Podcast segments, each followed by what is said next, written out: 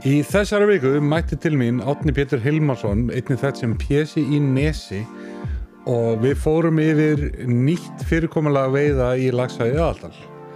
Einnig fórum við yfir svona legendary sögur að hermóði af hans, eh, saga leigutöku, saga af stórum fiskum og bara ég veit ekki hvað og hvað, njótið.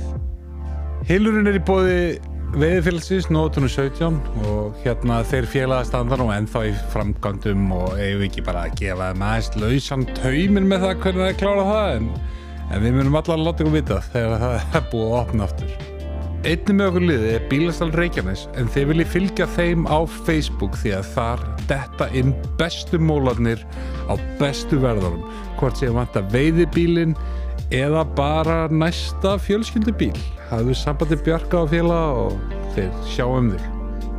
Jack Jones og Selected í Kríluna Smáralind er einnig með okkur og endilega kikið þangað gallið ykkur upp því að það er ekkert hallarislega en að mæta á síðbrúkinni í dinnirinni við úr það er bara svona þess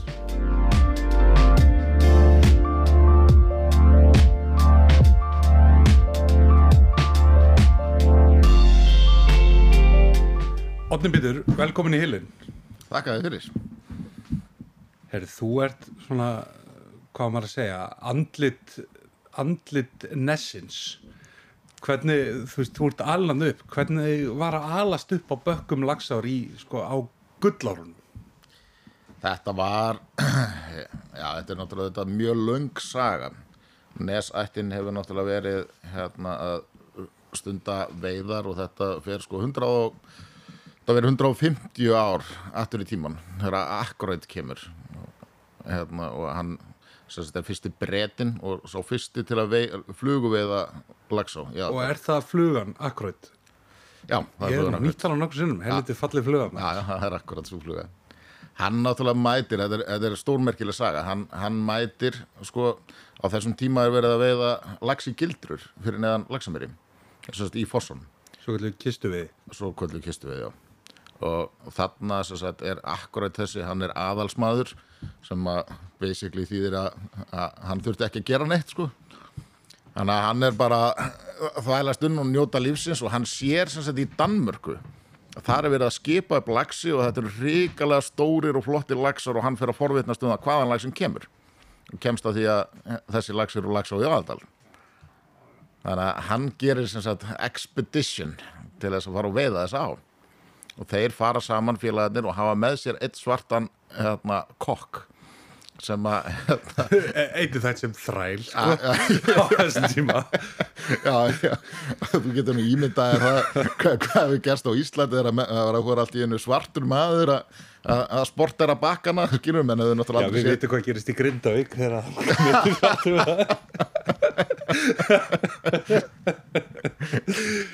No further comment no further comment en þeir sem sagt hérna, koma og þeir koma með árabát og þeir hérna, enda skipið kemur til húsa ykkur og þa- þar fara þeir á bát og það röstla bátnum upp alla á.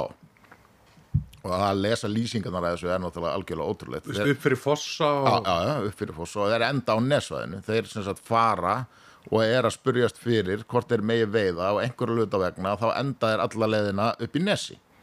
Þannig að þeir fara hérna ánað þarna einhverja 15 kilometra upp yfir og Já, upp ansist sko, grimmar fossa og flúðir sko. Já, ég meina það er ekkert grín að, að fara upp straumiðar og alla álana þar og núbafossin og allt skilur við Þá er sko þrællin þarfasti þjóðlinn Já, reynd, reyndar mjög fyndið vegna þess að það kemur fram í sögunni að þeir höfðu með sér sko hérna viskikút og það, það var sko í tunnu og þegar að kallarnir á ferðalæginu upp eftir verið aðeins svo mikið í að þá reyndist kokkurinn mjög vel í að drösla bátnum upp Ah, helvíða, sterkur. En þeir sem sagt, hérna, já, þeir enda í nesi og þeir hérna, sem sagt, uh, fá leifi til þess að veiða hjá langa, langa, langa afa mínum. Og þeir hérna fá að vera í kirkjunni og þeir voru með tvenn klæði það er mjög óalgengt að rigni í aðaldal en þarna ringdi eiginlega allan tíman þannig að þeir sagt vettu í blötu fötunum og sváu síðan í kirkjunni í þurrufötunum og það var náttúrulega á þessum tíma engin kynding í, í kirkjunni þannig að þetta var náttúrulega torfkirkja þá og, Ekki frekar en vöðlur. Og var, var vósbúð og var kalt en sko veiði tölurnar náttúrulega algjörlega með ólíkitum Galnar. Það er svo flott lýsing sko þeir voru að leita því hvað voru eins og, eins og þú veist að þá er lagsá ekki auðlesin. Þannig þannig að þeir voru að hérna, leita eftir því hvar voru tökustaðir og það sem þeir gerðu var það að þeir tengdu saman tvær flugulínur á tvær stangir og hengdu sem sagt agn á með nokkra fetamillibili og dróðu þetta eftir sér upp anna til þess að sjá hvar er þið taka. Og svo merkja þeir þetta einn já, þetta er lýsingin sko, hún er til. Hann sem sagt, akkurat þessi að hann hérna uh, gefur út bók sem að hér Diary of a Sportsman. Og þar er kapli sem að lýsir þessari hérna, Íslandsfjörans og lýsir þessu mjög nákvæmlega hvað þið veitum marga fiska, hvað er gerðu og hvernig þetta var allt. Og þar kemur þessi lýsing fram. Og það var hérna góður vinur minn sem er nú dáin núna hér Chuck Kessler. að, sem var sem sagt, komið í frontiersgrúpunum hann hérna, þetta er með að bóka uppbóði uh, hjá Kristís og kaupir bókina og kemur og færir með bókina fyrir svona annars að vera 20 ár síðan.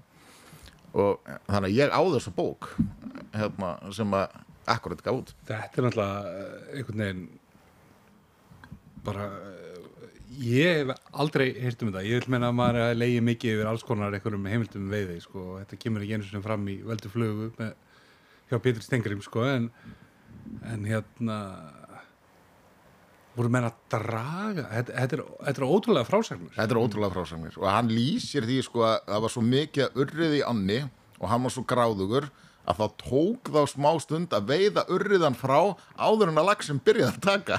Maður sæði það einmitt fyrir sér þetta væri frekar svona eitthvað seilungsveiðtæki sko. En já, þetta er algjörlega magnað og, og, og þú veist, mannst eitthvað tölur eða stærðir úr, þessari, úr þessum Já, þeir, þeir voru sagt, uh, þeir veittu í sex vikur og meðalviktin var átjónpund það var meðalvikt já, er svona þeir voru held ég tveir að veiða og þeir veittu ef ég mann þetta rétt, þetta er nú kannski aðeins á reykjustum að við minnir að þeir hafi verið uh, með svona rétt um það bil 200 lagsa á sex vikum tveir að veiða, meðan þýnd átjöfund meðalþyngd átjónpund já, en hvar, eh, sko, hvar kynist þú þessari veiði? Hvar, eh, þú veist, þú náttúrulega elst þarna upp en, en, og er kannski bara partur að þér bara allar tíð Já, svona, svona bæði já og nei.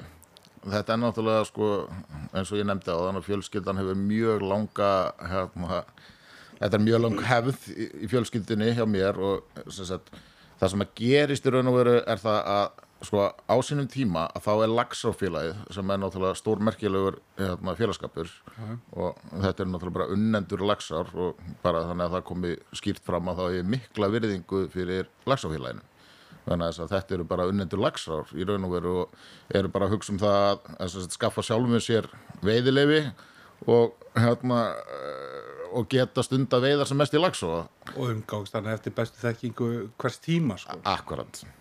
Þannig að hérna, og það er því miður búið sem er sett í náttúrulega svona smá hérna uh, já, erfiða stuðigang þegar lagsárfélagið hættir en á, á sínum tíma þá er lagsárfélagið með alla anna og er líka með nesvæði. Og það er afi minn hermóður í Árnesi sem að hérna, er náttúrulega stór merkilegur maður, dó því miður langt fyrir aldur fram. Þeir sem hafa hort á hérna, heimildamindina um sprengjuna í uppi Mývatn í, í miðkvísl kannski kannast þið Já, já, hann er náttúrulega sko, það voru mjög margir sem að komu og öll svo deila og allt í kringum hana er náttúrulega stór merkileg en, en afi hermóður, hann er náttúrulega sko aðalegari í allir þessari atbyrra sem að þar verður.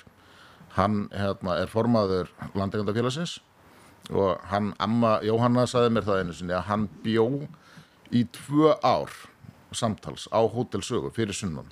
Bændahöllinni. Í bændahöllinni. að þá er hann bara lobbyistast og, og, hérna, og hamast til þess að ná til þingmanna til þess að reyna að afstýra þessum hlutum.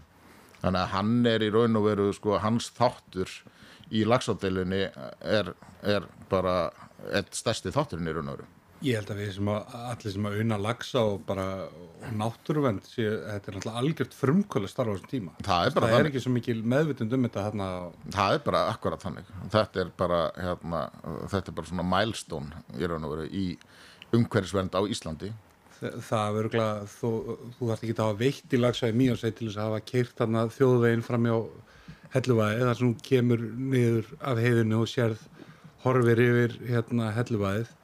Veist, þetta væri allt stöðuvatn það væri ekki fyrir starfið sem manna. það er bara þannig og menn voru náttúrulega svo galnir sko að það átt að veita hluta skjálfandafljóts hérna, Það væri litað stöðuvatn. Þetta væri bara eins og sporðöldulón. Já, svartá átti náttúrulega að koma yfir sko. þannig, að, þannig að menn hefðu sko, það, þú hefði dreipið margar náttúruperlur hérna í einu slægi ef að, af þessu hefði orðið þannig að þess að við vitum að náttúrulega allir að svartá er náttúrulega líka hérna, Önnu þannig sem að við erum að berjast fyrir í dag. Já, En já, uh, Já aftur að aftur af aðeinum, Já. smá út úr, bara svona til að gera mönnum grein fyrir hva, hvað er verið að tala um. Já, þetta, þetta var já, aðeins út út úr hann, sem sagt, afi, hann er hérna, mjög framsýtn og klármaður og hann í raun og veru hérna, hann klýfur nesið út úr lagsafélaginu og fer sjálfstætt og þú hefur komið í, í nesið og, og séð sko að hérna, íbúðarhúsið í Árnesi er náttúrulega rosalega stort hús Jú, jú. og það er ástæða fyrir því að, að sagt, fyrstu árin sagt, hérna rétt upp úr 60 62 ef ég mann rétt að þá hérna byrjar afi á því að hann semur við frakka sem að koma og hérna, eru að selja veðlefi og það gengur í nokkur ár þangar til við náum sambandi við Frontiers og íbúðarhúsi Árnesi er notað undir veiðmenn fyrstu fimm árin. Já, já. og veiðiheimilið í Árnesi er síðan byggt uh, 1967 og þetta er sagt, þessi veiðirekstur uh, síðan nást samninga við Frontiers og það er viðskiptasamband sem stendur í sko 40 ár þannig að ég er nátt ótrúlegt. Mér er að segja, sko, fyrir frontiers er það ótrúlegt. já sko trúðu mér, við náttúrulega gengum í gegnum eh, mjög erfiða tíma og það kemur sko hérna, náttúrulega fjármála runið og allt það og, það og, í árunum fyrir það að þá er sko krónan orðin svo sterk að hvort dólar að ég er búin að semja við alla gætana mína við vinnum á halvu kaupi með alla aðra gæta á Íslandi bara til þess að reyna að halda frontiers út af þessi saga er náttúrulega algjörlega ótrúleg Þeir eru búin að borga ykkur í 40 ár. Já, ég minna þarna komum við það skilur að, sko krónan er orðin 60 og eitthvað krónur á móti dólar þannig að sko Ég fór í útskriftaferð á þessu tíma, það var frábært. þannig að fyrir kanan sem er náttúrulega hérna, uh, já, þeir eru hugsalega um peningana sína að þá, þá er það algjörlega galið. Það er ekki hægt að keira á fullum verðum og halda viðskiptasambandi. En þetta er náttúrulega á þessum tíma sem þú ert að tala um, við erum svolítið að flakka frá tilbaka í tíma. já, já, Þú veist, þá er náttúrulega, er krónur svona sterk, þá er eiginlega kanin líka svolítið dottin út.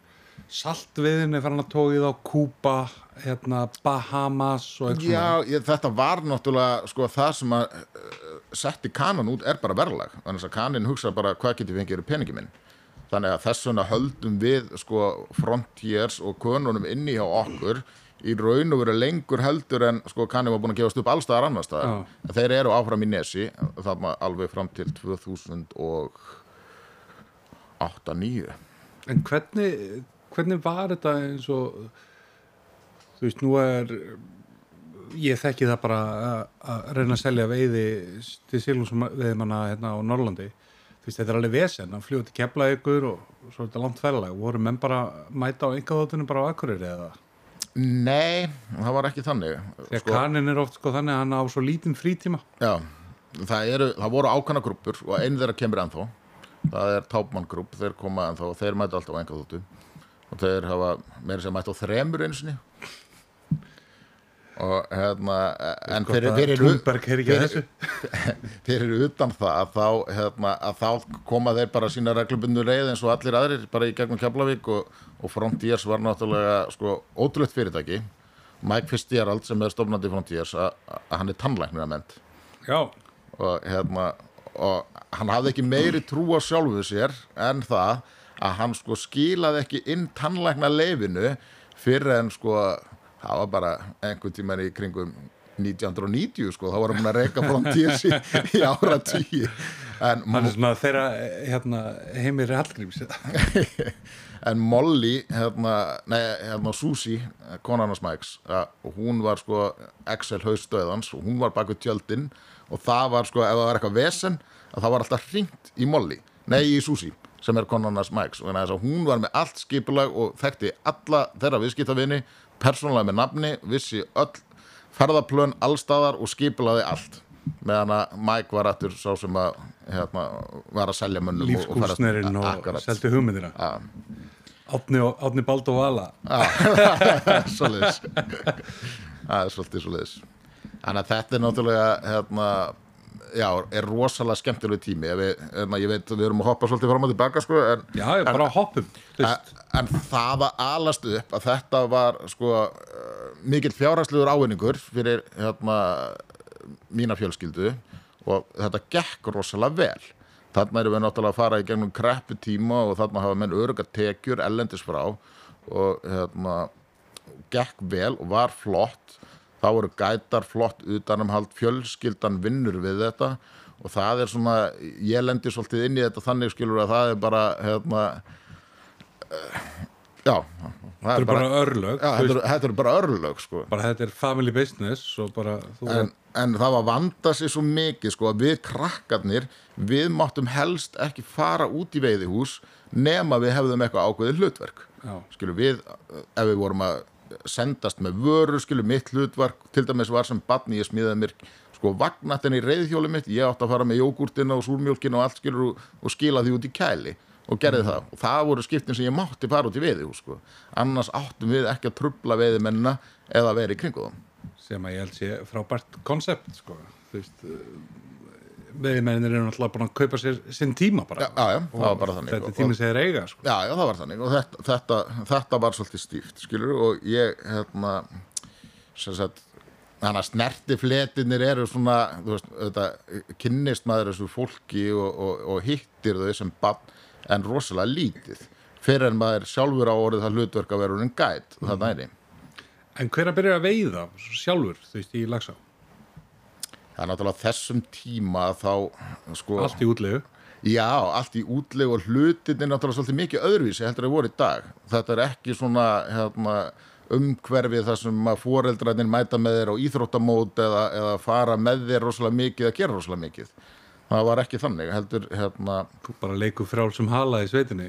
Svolítið svoleiði sko. Og ég man það að ég fór svolítið mikið með Pétri Stengriðs það var já, okkar manni sko. Já, og pappi hérna hvað ég segi, Lagsórnesi já, já, Lagsórnes þannig að pappi, þarna voru bændadagar sem voru sagt, fyrir veiði að þá mátti veiða.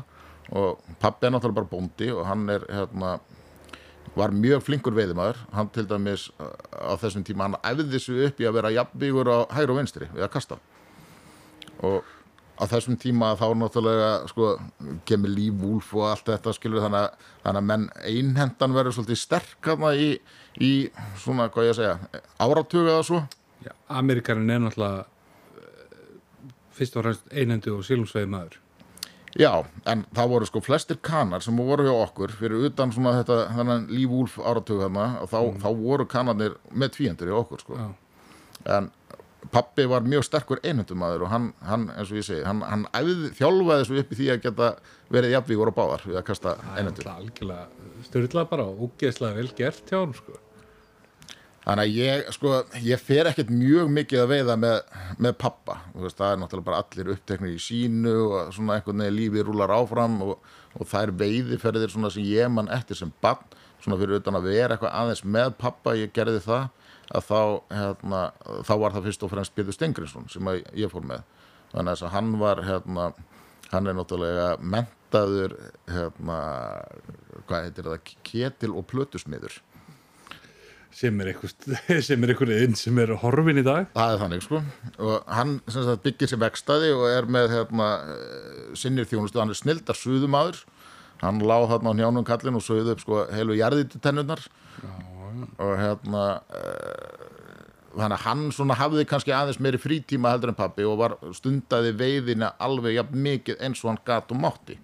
Þannig að ég fór svolítið mikið með honum og önnumarju náttúrulega Pétur bara góðsögn í, í hérna lefandi lífi og ég hef nú, ég hef nú spjallað við hann og, og hérna náttúrulega bókin hans algjör snild ef, að- ef þau eru ekki búin að ná í eintaka veldu flugu ef, ef þau eru yfir höfuð eitthvað til þá bara geti ekki mælt nóg með henni. En já, þeir eru þarna frendinir, frendinir eitthvað hvað maður segja, dingleikur um, um bakkana. Og hann hafði alveg þólimaði til að kenna þér og svona. Já, hann hafði mjög mikla þólumæði ég heimsótti þau svolítið mikið og hérna við nafnandir Pétur, hann kendi mér að tefla til dæmis og, og ég var svolítið mikið við veiðar með Pétri. En hins vegar sko að, að síðan kemur bara þetta örlega hlutverk að taka við sem gæt og ég myndi ekki skila mínu eiginbarni jafn óundirbúin í það að vera gæt eins og ég var settur inn í það hlutverk á svona tíma. En er Marjulagsin stór minning? Eða eða er, þa er það bara partur að búa þarna á þessum tíma að, bara svona lagsi bara hverstaslegur?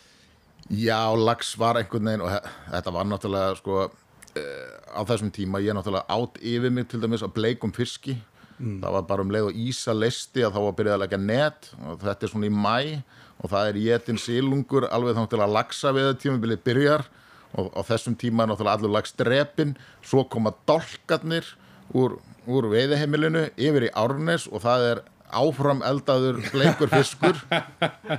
Og ég man það alltaf sko, það er mjög sterk minning hjá mér til dæmis að amma, hún sögði alltaf hrognin í grísju þetta var svoðið í vatni og þetta var svo þurrt og ógeðslegt að það var engin leið að svæla svona í sínum að drekka þessu í tómatsósu. Þannig erum við að tala um sko fínasta kafjar sem þú getur hugsaðir og þetta Já, þetta var svona eins og það er með sand upp í sér svona pínlítið, þú ert búin að sjóða sko hrogn í klukkutíma.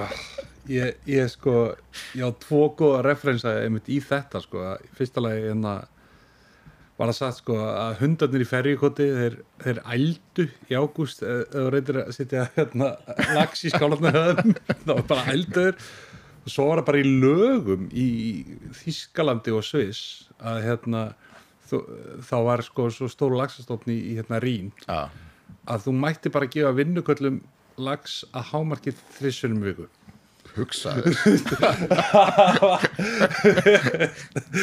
og nú erum við að tellja þess að lagsa þetta bara á fingrum okkur sko. Já. Þannig að þetta er sko, ég er bara nýbyrjaður aftur að borða bleikan fisk og ég fyrir náttúrulega átt algjörlega yfir með þessu. Þarna.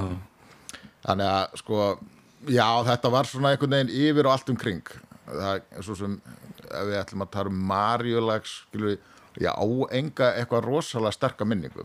Nei. En við bræðirnir náttúrulega, við hermóður, það var náttúrulega ímislegt brallað í sveitin í gamla daga og, og hérna, ég ætla nú ekki að halda þið fram að það sé til eftirbreytni, en, en hvað gerir þau þegar að þú...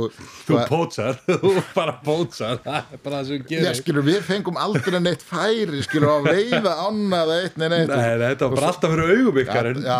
snertaleg Og svo ertu með þessa, þessa löngu björtu nætur.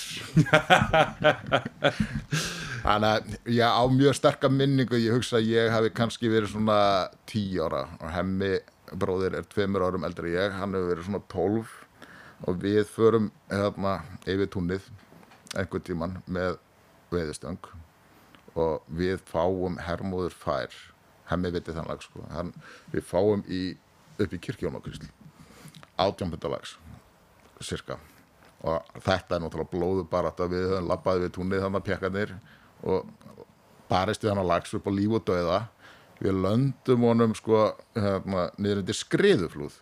Nei, og ég man þetta alltaf vegna þess að sko hemmið á með einhendu og við vorum ekki með neitt háf með okkur. Sem er vesen í lagsá það er vesen í lagsá þannig að það endaði þannig að ég hoppaði úti og náði einhvern veginn svona takan í svona hálfpartin í fangið og súpanum upp á bakka ef þú hefur einhvern tíman prófað að halda á lagsi án þess að vera með eitthvað til þess þá get ég fullist við þig það er vesen og sérstaklega þegar þú ert bann Tíu ára með nýgengin átjöfbetara í fanginu. Já, þannig að við bræðurnir við einhvern veginn erum að brasast með þannig lags tilbaka yfir túnni þannig að það náttúrulega á þessum tíma er það náttúrulega bara fast í husnum að, að þú veiðir eitthvað þú dreipur það. Já, ég meina þetta. Þannig að við brösum þessu heim yfir, yfir túnnið og svo hugsaum við djöfullin hvað eigum að gera, það kemst upp um okkur. Þannig að okkar svar við því var það að við ákvaðum að það væri best að taka allt upp úr fyrstikistunni og setja lagsin á bottin og setja svo allt henni í fyrstikistun aftur. Þetta er briljant sko. og við gerum það og erum helvíti stoltir að sjálfum okkur bræður og fyrir svo að sofa. En ég get sagt þér það að ég gleymi ekki svipnum á völundi hermósinni frænda mínum þegar hann mætir í hádeginu daginn eftir Hvað voru þið að gera í gerkvöldi, drengir? Rauður í framann, sko. Þá er hann að fara með einhverja fína amerikanir á að það fyrsta sem að hann sér er náttúrulega helvíti sveiðistöngin sem við höfum glemt á nei Þannig að hann er svona laum að tonni undir stöngina og svona vipp henni út í móan. Þannig að kallarnir eru ekki var við þetta en völundur var það og við fengum að heyra það. Ég sé einhvern veginn ekki sko völund fyrir mér æstan sko Jú, jú, hann getur úr reyður. Ég fullir það. þetta, þetta virkar sko þegar hann gefur hann á sér og kynum þetta, þetta virkar svo mikið jafnaðakið bæði í akstri og svona einhvern veginn útliti en hérna sko nú er þessi 40 ára saga með Frontiers Já, svo hún endar hvað svona 2007-08 já, það sé skaðum.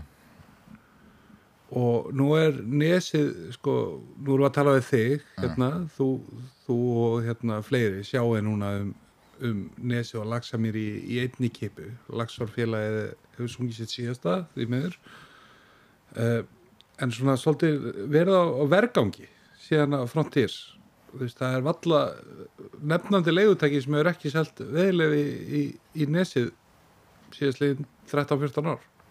Já, já, það er alveg þannig og hérna, sko, við hermóður uh, tökum, hermóður bróðir, við náttúrulega höfum verið saman í þessu síðan 2004 höfum, þá tókum við við að sjá um annan og höfum gert það bræðinir síðan og átt samstarfið já, nefnið það réttilega það eru, það eru held ég bara allir stóru leikararnir fyrir, fyrir, fyrir, fyrir utan fyrir utan ábabald sko, við höfum ekki verið á Lagsá en við höfum verið sko hjá hérna, En hann held ég, ég geti fullirt samt verið að selja eitthvað aðeins. Já, hann hefur tekið sko, viku viku já, við, já, það er alveg rétt við höfum átt samstarfið hann líka sko, hann, hann hefur tekið, tekið aðeins vikur og, og selt sko.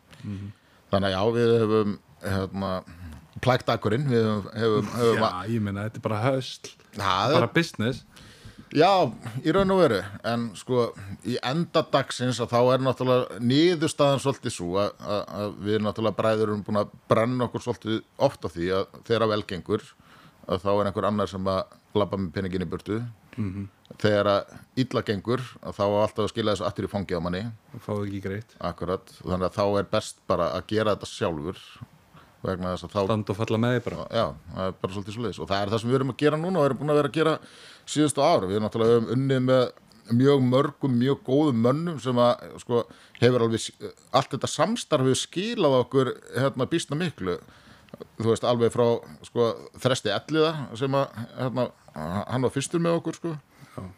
Uh, yfir í, þú veist stanga og, og, og Starir og regnasa og, og- já, og þetta verður allt skilað okkur kunnum sem eru enn að koma þó svo að hérna, við eh, séum ekki lengur í samstarfi við þessa menn Já, já.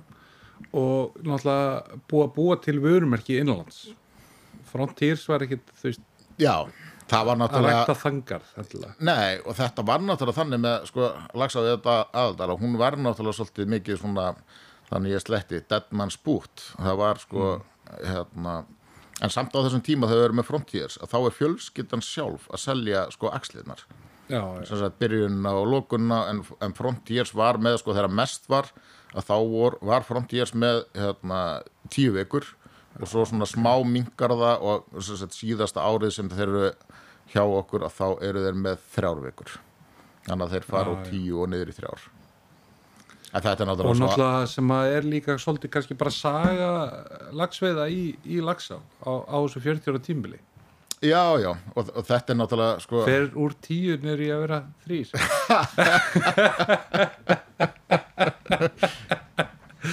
já, já, klálega að, á þess að, þú veist, bara, þú veist ég me, meina þetta vel en, en þú veist tölurna tala sínum máli Já, ég meina það er bara þannig og þetta er það sem við erum að gera í dag að það eru náttúrulega ákveðin varnar viðbrögð við hérna, erfiðar í stöðu. Ef að lagsa í aðaldal væri ennþá við að 2000 lagsa og ég vel 1000 lagsa að þá hefði öruglega ekki orðið að þessari saminningu sem er, hérna, núna er orðinu veruleiki. Og við hérna, erum auðvitað að reyna að búa til einhverja vöru til þess að halda upp í gæðum fyrir okkar kuna þannig að þess að sko, ég hef búin að starfa, ég er hann 44 ára gammal og ég hef gætað sem ég var 17 ára og tekið þátt í allir þessari vinnu með minni fjölskyttu og hjarta náttúrulega slær bara algjörlega með lagsá já, og við auðvitað erum bara að reyna að búa til gæði til þess að halda upp í vöru til þess að við getum haldið áfram og þjónust að veiðimenn og gera það sem við elskum að gera. En hvernig þú veist, núna var þetta lengi óljóst bara fyrir ári síðan var ljóst að hérna, lagsafélagi myndi ekki starfa áfram og þú veist, hvort það er því útbóð eða vesen með veiðuhúsin niður frá og svona. Hvernig, hvernig eh, getur eitthvað sagt okkur frá því? Hvernig náið þessu svona saman? Þú veist, eh, gerir á fyrir að þú veist, bara ef þú skoða bara frá mývatni niður í ós, þetta er mjög svona veist, það eru hérna þessi bakki með þessum og hinn með hinnum og þessi talast ekki við hinn og eitthvað svona. Já, já, þetta er þetta hérna, sko, margt í þessu skrítið og skrítið fyrir veiðimann þú veist að náttúrulega eins og ég sagði, ég er búin að gæta ána mjög lengi og menn eru enn hissa á því og, og eiga erfitt með að skilja þetta að þú meir veið úr ströymiðinum en ekki að bökkunum skilur út af því að skiptingin verður einhvern veginn mjög skrítin út af því að sko, svo er breyðurinn út núna og árbótinn en þú veist, einhvern veginn samtala um saminasvæði og Já, út af því að sko við náttúrulega erum að sem sagt, við þetta störfum eftir, eftir lögum og eitt af lags- og sílungsveðilögunum er það að það má hérna útluta arði sem, sagt, sem veiðisvæði. Ok. þannig, að, þannig að allir bændunir hafa í raun og veru sinn eigin samningsrétt. Þeir, þeir stjórna veiðifélagi hefur aldrei tekið yfir ána þeir með að taka sinn arð út sem við þetta. Já, þannig að þeir í raun og veru sko, menn stjórna svæðunum sinu sjálfur bara eins og, eins og árbútt gerir og jálstaði núna sem ákveður að vera ekki með. Þannig að menn ráða sínum svæðum og, og hérna, ráðstafa sínum veiðir rétt sjálfur og það er auðvitað eitt partur niður sem að þetta en verður er já, já, já. hittið þú hérna fólki hérna á árbót á veiðifélagsfélagi já, ég meina Örlogi í árbót að hann er í stjórn veiðifélagsins sko. En þau bara forgera sínum rétti á argæðislum og selja sjálf? Já, ok, áhugavert. Það er bara þannig, ég meina veiðifélagið hefur aldrei tekið ána yfir skilur þannig að veið, eða, mm -hmm. veiðifélagið ráðstafar ekki veiðiréttinum heldur gera landegandi það sjálfur þetta er svona frekar sérstætt fyrirkomulega með allt annað sem við þekkjum þú veist. Já, ég meina þetta er fyrirkomulega sko hins gamla tíma skilur við, hérna, já, þannig að þetta er í raun og veru held ég síðasta áinn á Íslandi örgulega sem er ennþá í, í Já, þessu já. fyrirkomulagi. En já, og nú þú veist gekk þetta vel, þú veist að- að að- að þetta með, með hérna hvað maður að segja, lagsamýra mönnum og, og því fólki og, og núpum og þessu svona það, það sá þetta ekki endilega allir fyrir að þetta myndi svona eh, ná saman. Nei, þetta voru alveg átaka sko frá því að hugmyndin fættist og þangað til að við hérna, ákveðum það að keira hann í gegn að, að þá er þetta þetta er alveg erfitt sko. Þetta voru, þetta voru átaka fundir að láta, láta þetta gerast. Og eh, hvort að ákvörðin er rétt eða raung að, að, tíminn leiðir það vonandi ljós. En ég hins vegar sko ég og við bræður, við höfum trú á, trú á verkefninu og við höfum trú á því að við séum að búa til einhverja vöru sem er algjörlega uník -hmm. og það er náttúrulega það sem hefur tekist að gera í hérna, nesi sem hefur kannski ekki tekist jafnvel á lagsamýri, ekki tekist menn hafa bara ekki verið að reyna það skilur út af því að lagsárfélagið var bara með það að þá höfum við, við eigum mjög tryggan og algjörlega frábæram kunnahóp sem að hérna, hvað ég að segja? Hann er ekki eldast við tölur hann er eldast við drauminum Já. 20 pundar hann sögun á bakkanum Já, og það, fílingin. það er akkurat þetta. Og ég og Lagsá í Aðaldal Nesveðar meðan að þær voru á hétu, ég meina þetta er síðasta fjölskyldurekna veiðin á Íslandi í raun og veru. Og menn hafa sko mikið uh, hérna, hvað ég segja appreciation, menn hafa, hafa sem sagt, mönnum finnst þetta mjög sérstakt og mjög gaman. Og ég er náttúrulega svo heppinn og við bræður að hérna, við höfum rosalega mikið af góðu fólki kringum okkur. Og góðar hugmyndir fæðast úr uh, góðum félagskap þegar átt gott fólki kringu þig. Og það er bara eins og hérna, 20 bundan nælan skilur sem var mjö, er mjög þekkt og, og var hérna, mjög vörumerki já, já, og það er til dæmis gæti á okkur sem er hérna, Kristján Arnarsson á Húsavík hann á þá hugmyndir og létt gera fyrstu nælunar þannig að þegar að maður er svona einhvern veginn með mikið af góðu fólki kringu sig þá gerast rosalega margir góðir hlutir. Og svo er ég náttúrulega og við bræður það hefnir að við höfum veist, eins og uh, Óla Kristjáns og, og Sigga Helga með okkur sem hafa séð um hérna, að staffa húsið á kokkum og svo leiðis og þeir einhvern veginn á að komast úr eldhúsinu og, og út í á og eru náttúrulega svona aðal gætar Já, Siggi er náttúrulega algjör ég þekki nú ekki ólega vel hann er náttúrulega algjör veðisjúklíkur sko. Já, ég meina, þetta er algjörlega frábæri menn, skilur og, og það er, eins og ég segi, þegar, þegar hún nærði einhvern veginn að umkringja þið með góðu fólki þá, þá verður í svo góðum málum. Og þá næst að búa til þessa stemmingu í nesi þannig að kunnin finnur það að vera að hugsa um hann. Hausinn rennur í gegnum sko áinn rennur í gegnum hausinn á öllum sem að, að þarna eru að gæta og að þarna eru skilur og menn þekkja söguna og geta sagt frá henni veist, ég er sjötta kynnslóð í Nesmanna við að gæta svonum minn er sjöunda kynnslóð og hann hérna, er búin að gæta tvis og sinnum í 20 pundar og hann er ekki ennþá komið bílpróf sko. Já. Það er ákveðin dýft í þessu og það er einmitt það, uh, þú veist, Bubbi Mortens hefur til dæmis talað um þetta í, í sínum skrifum og svona, þú veist að það er þessi uh, þessi fjölskyldu tenging, skilur við, það er einhver með stóran lags einhver staðar, segjum bara hérna í hérna vitaskjafa eða eitthvað og þá mæti bara, þú veist, gamlega mætur á sérakínum og hérna, þú veist, það er bara steini ströym, steini ströymur mætur á hávinn og veginn, það er svona einhver, einhver family stemming í þessu. það er bara þannig skilur, og það er allir hjálpa stað skilur. það, þú veist, ef maður veit á stórum lagsi einhver staðar sem að þú átt væra á að þá eru gætarnir eru að deila á milli sín og við erum, að, við erum all, öll að hjálpa stað til þess að gera upplifunina sem besta fyrir viðskiptavinnin og, og það er allir veist, til í að samgleðjast þegar að hérna, góðir og fallegi hlutir gerast. Þannig að þegar einhver veiði stóran fisk þá er það búið að fréttast og mönnum er fagnað. Sko, nú hérna þegar eitthvað svona gerist, þá er strax ekk- e- fer, fer eitthvað að ringja í okkur hérna í hilnum og svona við viljum fá að vita þetta og vita hitt og eitthvað lalala ok, við ákvaðum það hérna, vorum að spjalla fyrir það að þú myndir ekki segja mér fyrirkomulega á þessu. Núna ætlar að segja mér fyrirkomulega á þessu. Tvö hús Laxamýri, Nes hvernig virkar þetta?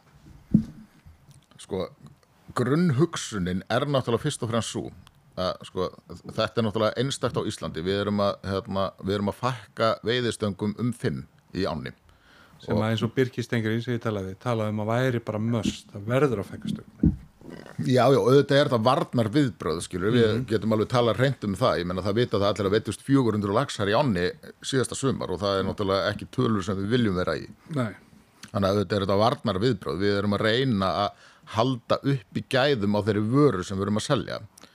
Uh, fyrirkomulagið að, að sko þetta er, og þetta var náttúrulega mjög mikil pressa um það að við myndum bara vera með vökuholt út af því að vökuholt er náttúrulega glæsilegt veðuhús sem er 750 fermetrar með brjálæðislega flottu útsýni og, hérna, og 13 tveggjamanna herbyggjum og getur tekið alla veðimennina í tólstanga veði en í mínum huga að þá snýst þetta ekki um hagkvæmni, þetta snýst um upplifum veiðimannsins og að ef þú ætlar að búa til eitthvað sko stort veiðihótel þá ertu búin að týna þessari stemmingu Þessari sem, holstemmingu. já, sem að við höfum, okkur hefur tekist að búa til og eigum sko frábæra viðskiptavinni í nesi sem að núna eru sko allir mjög spenntir fyrir og, og nesmenninir þeir eru að stíga upp og þeir eru að kaupa þessi veiðileifi en við auðvitað viljum búa það til að þeir geti haldið sínum hollum og ákveðið það svolítið sjálfur hvað þeir vilja mæta margir það langar engum að mæta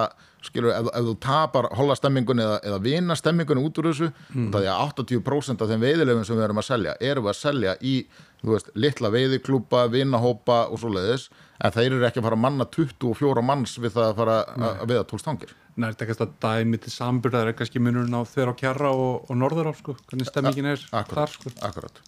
Tvö, sex, sjöstaka hús eða eitt jumbo. Já, að, og svo endar þau kannski þegar langar að fara með konunni og endar með einhverjum fyllibittum sem er að spila tónlist þú veist, þá eiga líka bara fyllibittunar að geta verið hérna í sínu húsi og spila tónlist og, og hjónahollið er bara í sínu húsi og haft það hugulegt og verið í pottin sko. akkurat og þetta gefur okkur þennan skemmtilega sveigjanleika að, að sko að kunnandir okkar, þeir geta bara ákveða ok, þú ætlar að kaupa, þú ætlar að mæta aftur með þitt áttastanga hol í hverju húsinu viltu vera mm. ok, þú vilt vera í vökuholti allt í lagi, þá eru bara fjóra stangir eftir og þá eru bara fjóra stangir í neshúsinu. Já. og vice versa. Og getur líka bara ringir í eitthvað tryggingafélag og segir bara, heyrðu, við viljum búið á fullt að kunnum hérna tökum alla stákirnar og þá er bara allt liðið nýju vökuhaldi Já, ég meina það er hægt nema náttúrulega það að sko, við prófum það á sínum tíma að vera með fyrirtækjahól og það er ekki eitthvað held ég sem við förum Það er allir í. það er ekki uppbólskættir í Nei, Nei, ég meina, þetta snýst allt um upplifun. Ef þú ert, sko, ef þú ert með fólk Það er bara nes og lagsá er- eins og hún er í dag, henda bara ekki verið fyrirtæki við þar sem þú ert að koma upp kuna þessi verður að fá lags í Já, það er bara, Það er bara það, sko, og, og rosalega mikið á okkar viðskiptavinnum eru menn sem eru búin að svona svolítið veiða sig sattan og langar að ná í trófifis þetta er, þetta, Þú ert að leita einum. Þú ert að leita einu fisk og þetta er erfi veiði, hún er tæknileg það eru löngkost, það er erfitt að hérna, lesa ána að þú hefur betri líkur á því lags á í aðaldal heldur en í nokkuri annari á við að fá 20 pundra, það er bara þannig. En já, ef þú mætir alveg blár með hérna dýrustu seitstöngina sem þú varst að kaupa á outbound short þá áttu enga sér svona nokkurn veginn, þú veist það Já, er, já, þú, þú já. sem gæt getur ekki tekið einhvern á tveimu dögum og bara svona nema, nema hann sé bara rétt út fyrir bátabryggjuna í vitaskja Já, ég, ætla, ég það, það er erfiður möguleiki. Ég ætla ekki, ekki að segja ég ætla ekki að segja að sé engin möguleiki en, en það er mjög erfitt ef þú ert ekki svona þokkalega góður að kasta. Það er allavega ekki að selja þetta sem þannig við nei. En eins og er sko að þá eru þetta hérna, eru allir gætarnir okkar að þeir eru býstnaglurnir og góðir hérna, kastkennarar og við þetta hjálpum mönnum alveg veist, eins og við getum. Já, þetta er svona áinn þar sem að gætarnir taka sér gæt sko. Það- þetta, þetta er ekkert nefn sko. þetta er svolítið sko, það er svolítið þannig. Þetta er, En- þú, þú lappar ekki á bakkan og þú lest annað sko, það er ekki þannig. Nei, Ég get svolítið vitnað í þetta bara. Við vorum í ánni í fyrra og við vorum með gæt, hún Stjána. Okkur gekk svona ágætlegin að landa einum en sko makkararnir sem voru með mér Bergur og Viðsteð, þeir eru ekki reyndir sko. Við stið sittur inn á yftur öxlum. Ja, sko, en, en talandi um það að vera ekki sko reyndur og mæta í þessa á þá settu þeir báður í fisk og bara þeir fóru ekki á land þannig að þú veist aðeins með reynslu þar en þetta þarf ekki að vera sko allstaðar eitthvað eitthvað gemvísindi Nei, nei, nei Nei, njó, þeir eru ekkert alltaf langt frá bakkanum eins og í hólmaðastíflu eða, Nei, nei, alls ekki sko. eða eins og ég segi við bátabryggjuna í vitaskjafa eða nei, nei, öruglega víðar sko. nei, nei, alls ekki sko. en, en svona heilt yfir að þá er þetta samt sem áður að það, það eigur möguleikaðina stórkostlega Já að vera góðukastari og geta farið við mér að vatn Ok, segjum að ég sé hérna, ég Birkir og Viðstedt séu með þrjá daga hérna, heilt holl í, í Nesi og hvernig rúlar þetta? Skiptingin, Já, já núna ertu í raun og veru þú byrjar upp á óseri og þú veiðir alla anna niður í gegn alveg og niður fyrir aðfossa og þú veist bara fyrir þá sem ekki vita eins og sjálfa mig, bara hvernig gengur þau upp?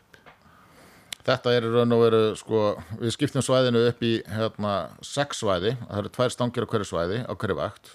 Og þú tekur sko frá Óseri nýri Gráström er svæði 1 uh, Leirholmi nýri Pressil er svæði 2 og nei, fyrir ekki Leirholmi og, og alveg nýri Díavendur er svæði 2 svo ertu með svæði 3 sem er Tjörn og nýri Knútstaði nýri Höfðahil er svæði 3 svo ertu með hérna, svo ertu með Núba niður í speilflúð fjögur.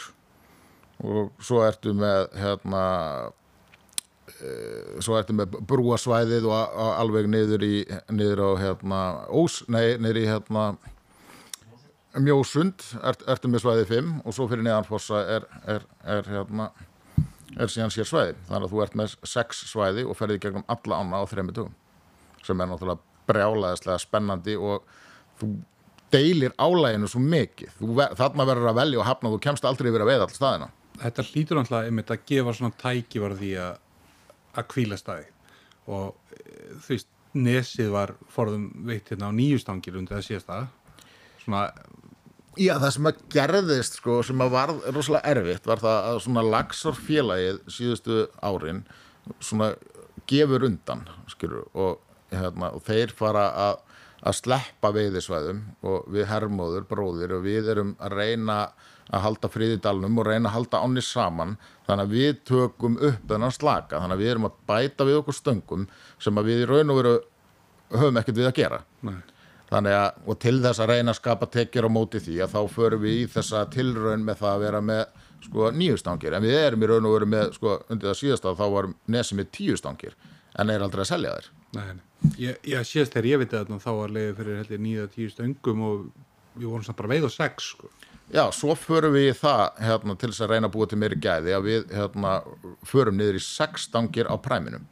Fyrir, sko, við náttúrulega eigum ennþá kuna sem er að koma sko, eins og Lilla Rockcliffe er til dæmis ennþá að koma til okkar.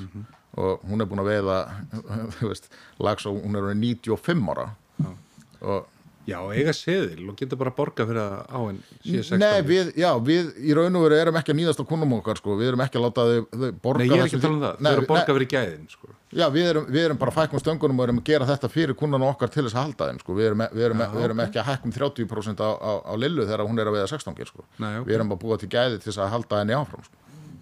Já, ok, vel gert er nú bara að segja Já, ég meina það er bara þannig og ég meina Aðalsteinn Jóhansson og þú veist, fleiri svona góðir kunnar sem eru búin að standa með okkur í gegnum sætt og súst að við erum að reyna að leggja okkur fram við það að gera vel fyrir kunnan okkar til þess að halda þeim Já, þetta er, þetta er eiginlega allt og sjálfgætt viðþorf í veiðinni sko. maður hefur farið ykkur staðar og gert góða veiði og kannski erfiðum tíma í erfiðu ári og, og þá- er hækkað á mannum leið sko.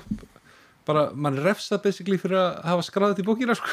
Já, jú, ég meina við erum búin að gera þetta svo lengi og, og, og lenda í svo mörgu. Við til dæmis lendum í því sko árið 2016 var sko ævintýra ár í Lagsá í Aldal 100 lags ónun 99 lags ónun ef ég maður rétt. að 96 ef mann þetta rétt og það, og það voru sko 13 yfir 100 cm við veitum yfir við veitum sem sagt yfir 100 100 cm fiska á, á því ári. Galið og bara næluvitingar sko alveg hægri vinstri bara í það var bara orðið þreytar en Maríu lags aðtunnin henni í bankaálarum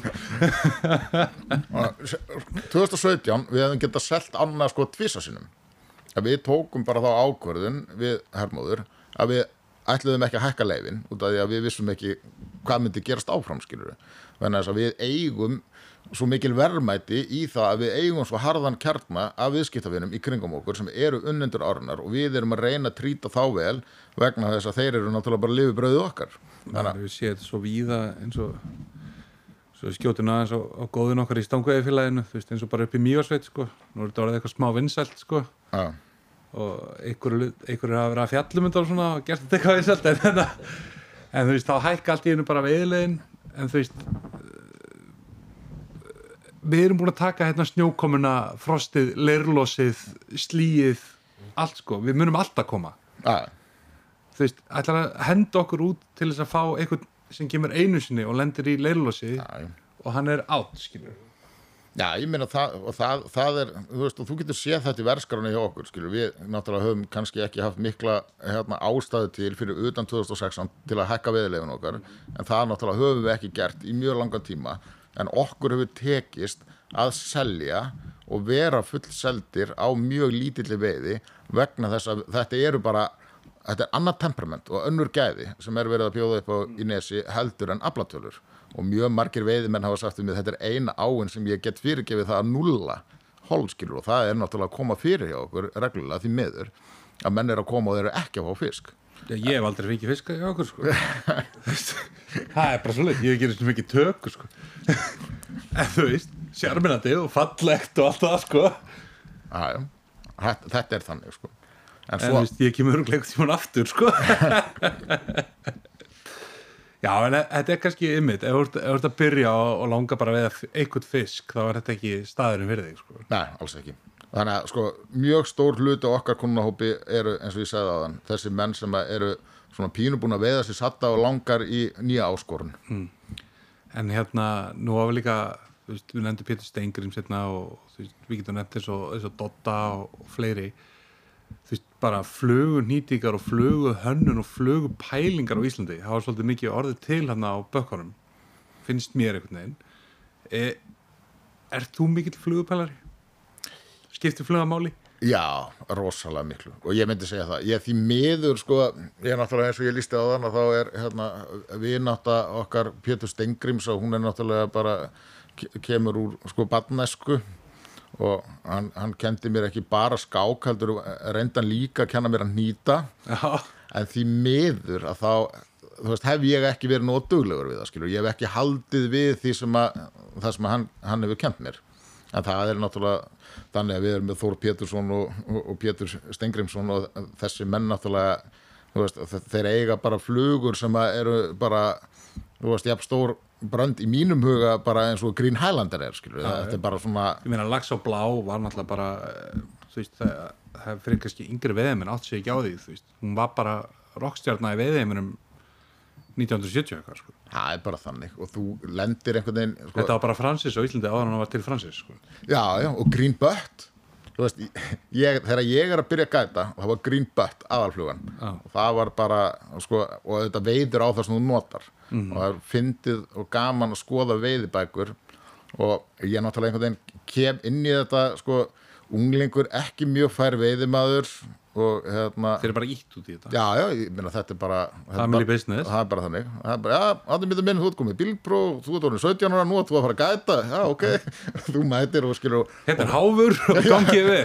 og veist ekkert í þinn haus þanniglega að sé, skilur náttúrulega mesta minni reynslu að hemmi bróðir reynir aðeins að grúma mig til skilur hann er náttúrulega tveimur árum eldri og búin að vera gæti í byrja sko. að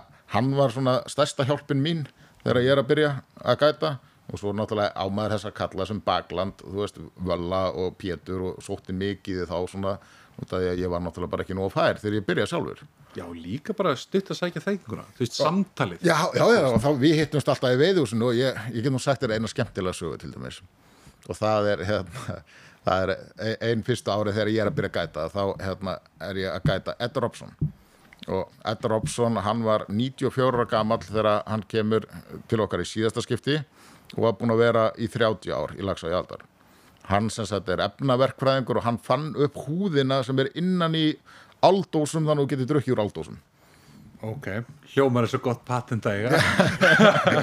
Hvað eru margar aldósir bara þetta inni, skilur?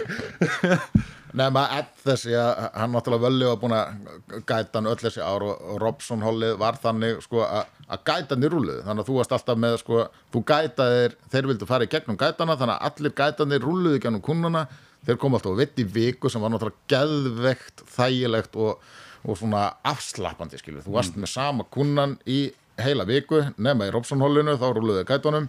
Þannig að þú veist, þú náðir þessum miklu tengslum Já. hittir alltaf á heilli vik og rétt veðrapriði þannig að allir fengu góða veiði á einhverjum tímúndi og þetta var ég sakna þessa tíma rosalega Það mikið er ekki verið að hamast, það er að láta ekki að gerast. Það er bara að vera að býða til réttu aðstæðan og þá gerist það. Já. þannig að þú ert hérna, ég er að fara með Ed Robson, hann var náttúrulega búin að veiða ána í 30 ár sko og ég er þarna 17 ára vitlisingurinn og, hérna, og gamli hafði enga trú á mér völundur leggum mér lífsreglum og segir, pjessi minn, þetta er ekkert mál farðu bara með gamla mannin út á vitaskjafa, taktu báða stanginnar hans, kasta á hægra borðið, rétt honum stöngina og meðan hann er að taka driftið þannig að hann fóði tökuna sjálfur og þá kastar á vinstra borðið og ég, ekkert mál og ég fer með gamla út í bát og, og ég tek stöngina og byrja að rífa út af hjólinu og byrja að kasta og hann snýr sér svona við What are you doing, young man? Wow, Mr. Robson, I'm, I'm- I'm casting the rod. What? I'm, I'm casting. Let me tell you something old ma young man. I paid a lot of money to come here. I'm not gonna let anybody fish for me. Og svo þegar gamli er náttúrulega að streða við þetta og verður mjög fljótt þreyttur. Þannig að þetta endar þannig að hann sér I'm tired, I wanna go home og ég drösla honum og upp í bíl og þú veist það er ekki liðin klukkutíma á vaktinu sko, við erum bara leiðin eftir upp í hús og ég er með hann í bílnum og er að keira tilbaka og hann er svona dormand í framsætinu allt í hann og vaknar hann og vaknar stögun og horfir í kringum sig og Where are we going young man? Well, Mr. Robson, we are going back to the lodge What? We are going back What? Let me tell you something, young man. I paid a lot of money to come here. I'm not going back there. I want to fish. Gallur og reyla bilaður Þetta var svona aðstæður sem gast ekki unnið í. Völli náttúrulega, skilur hann bara virðingu fyrir Völla, hann var maðurinn á gætin og gerði allt sem Völli sagði og svo kom unglingurinn og ætlaði eitthvað að fara að segja hann til og ekki sjens. Ekki fræðileg Vá, þetta er Maður hefur ekki lendið þessu, hefur lendið þessu byrgir að vera með eitthvað svona En, en nei, ekki neitt svona kalkaðan sko. Nei, nei. Ég var eitthvað, hef lendið í því Ég var einu sinni með tvo Tvo frakka Svo bara hendi fangið á mér. Og þeir litur nú þokkalega út sko. Svo þeir eru búin að vera mér í þrjáta Þá tilkynntuðu mér sko með fingramáli. Að Anna veri 83 ára Og hinn veri 85 ára Og hérna Þeir væri nú alls ekki til í að lappa svona mikið sko. En já, átti ykkur aðra góða sögu af, af nesveðum Þetta er náttúrulega, skilur eins og ég segi ég er náttúrulega svo heppin með það og við bræður og við erum með svo mikið af góðu fólki í kringum okkur og allir okkar gætar einhvern veginn áinn rennur í gegnum hausin á þeim og þeir þekkja sögurna og eru að græja kannski þetta er ein góð saga í hug, ég veit ekki hvort að Óli Kristjáns fyrirgef mér ef ég segja hana. Æja, En það er hljómar eins og þeir þá að segja hana. Sko hann náttúrulega þegar Óli byrjar að vinna hjá okkur og með okkur hann er náttúrulega nágrann okkar honum Mívasitt og er kokkur byrjar að vinna í aldhúsinu eða það er náttúrulega svona, ef þú vinnur við eitthvað allt árið þá er rosalega mikill léttir að komast í eitthvað annað skilur þannig að þeim langaði alltaf miklu meira út að gæta heldur en að, heldur en að standa í eldhúsinu við pottana sko. Og eru svona sjúkir veiði áhuga menn og, og flinkir veiðimenn sko. Og hann náttúrulega Óli er sko alin upp upp í mjósitt og þetta er náttúrulega þarna voru menn að veiða sko bleikjur í 2000-tali og ef þú hefur mest að hluninda vatni í Európu sko. Já, er bara þannig, skilur og menn sóttu þetta neðan úr sveitum sem matakistu, sko. Og það er svona, ég veit ekki hvort þú hefur séð það það er svona sérstakt bragð sem að menn eiga í mývasveit, þeir eru að greiða sílungur neti. Þeir stinga þumlinum í gegnum tálknin og með einum nikk að þá er hausinn brotin á þeim, skilur og þetta er svona Hljómar eins og eitthvað sem að verðum aðralegu lag á Já, þetta er svona sko, brútal aðferðir skilur og þarna greiða þeir sko, þú veist, þúsundir fisk ára á einum degi og alveg bara bara brís. er Allt sko. árið, Það er ís og allt sko. Það er bara þannig Nefna Óli að hann hérna, var svona lengi búin að vera aðeins á vælunni sko að vilja komast út í á og svo er ég einhvern tíman í vesinni og mér vantar gæt þannig að ég segi, já Óli núna kemur þitt tækifæri þú, hérna, það eru brettar hérna, ung hjón og þú ert að fara að gæta þau núna næsta hollið og Óli alveg, þú veist geggja spendur og fer og gætar og, og þetta, þannig erum við komin svona aðeins í hennar hraða þannig að þið réttið þryggja daga holl og svo eru við allir hinnir gætarnir að það er svona ganga bara þokkalega og menn eru svona að pikka upp einn og einn lags nema það er ekkert að frétta hjá Óla.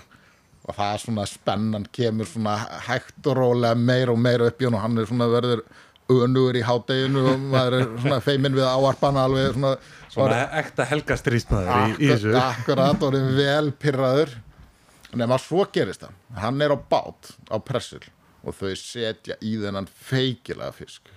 Og það byrjar bara baráttan alveg bara skilur þú alveg hörku fiskur sko.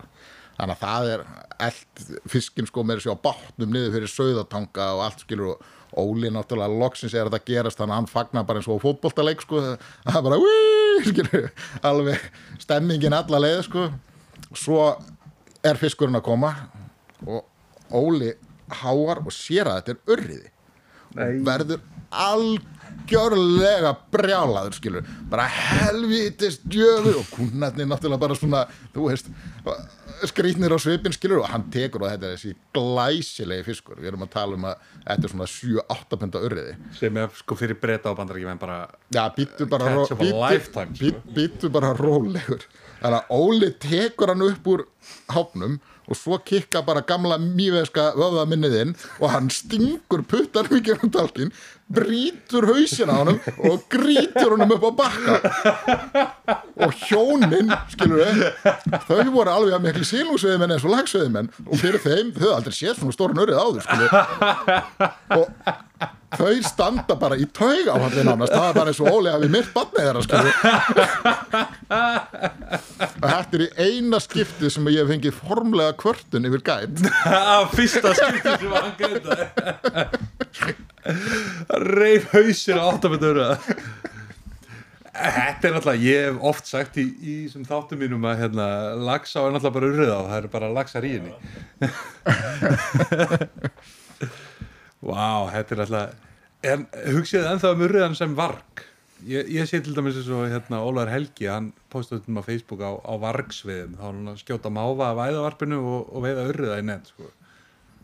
sko, þetta er náttúrulega ég geti tala sko, um ræktunamál sennilega uh, í marga klukkutíma.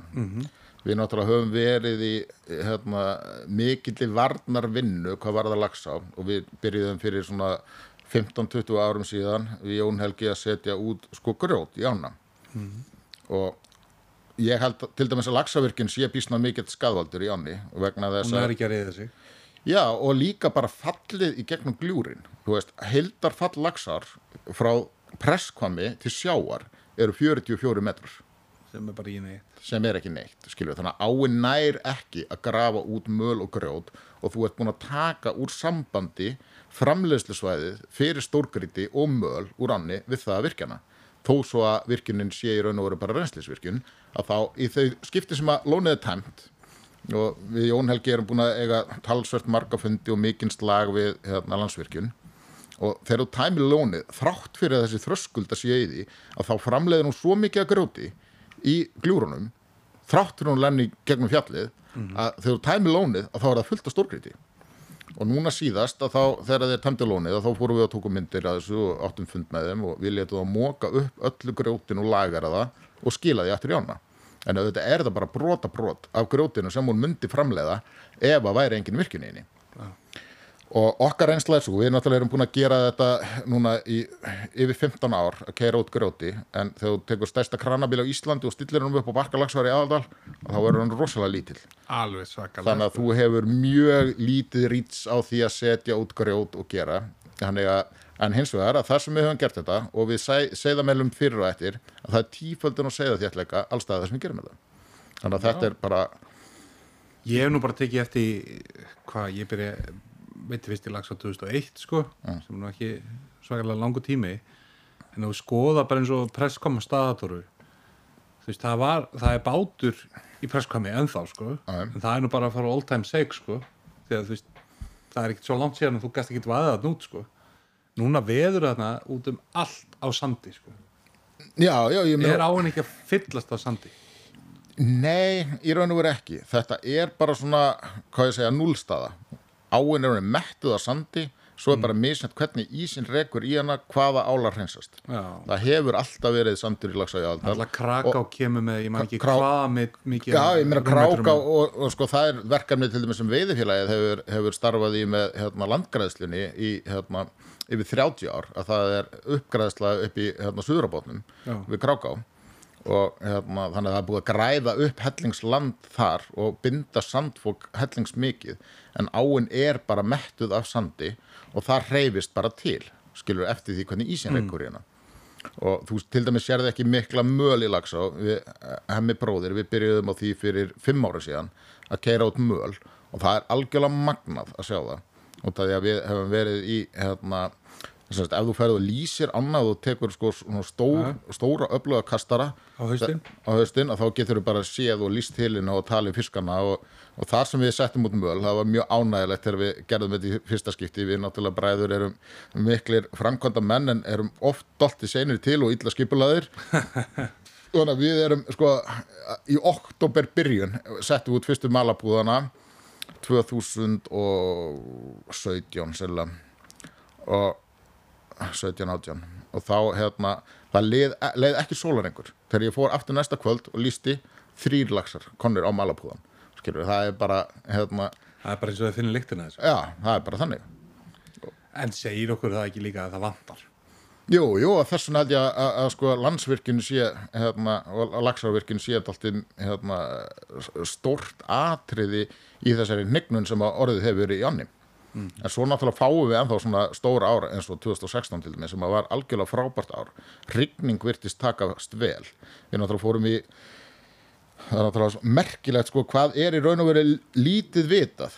Hérna, það gilda sér sérstök verndarlög um, um lagsár og mývarsvæðið og það er rannsóknar miðstöð rammi upp í mývarsvæðið starrækt og menn vita með sko ekkert vassfall á Íslandi meira rannsóknað en við vita samt alveg ótrúlega lítið. Það er eiginlega líka verið að rannsaka allt annað en fiskinn, sko. Já, sko, veiðifélag laxar hefur staðið fyrir mörgum mjög stórum rannsóknum. Við til dæmis radiomertum fiska, hérna, það hefur verið 2012 eitthvað svo leiðis og þá radiomertu við 60 fiska fyrir neðan æðafossa og þeim er sleppt og fylgst með för þeirra um annan. Endapunkturinn í rannsókninni átti þetta að vera sá að, hérna, að við ætluðum að ná mynd af því hvernig hann færi að því að hrygna og taka mynd af hróknarhæðrinu og það er svo mikið raunhellur, skilu, þú ert með svo lítið af möl, hann fiskurna lítur að mjög erfitt með að grafa hrogn. Og við vorum óbásla óhefnir vegna þess að áinn hún fór öll undir ís fyrir hrigningatíman, þannig að við náðum engri mynd af neinum neittni hrigningu og þetta var náttúrulega mjög kostnaðisum og stór hérna, rannsókn. Þannig að þetta var hérna, já, þetta var mikil vombriði með hvað við lögðum mikið í þetta, hvað við fengum lítið út úr því vá, ég verð að segja, Átni Pétur, að það er búið að vera frábært að að spjalla við og ég, hérna, ég held við getum haldið áfram í allan dag.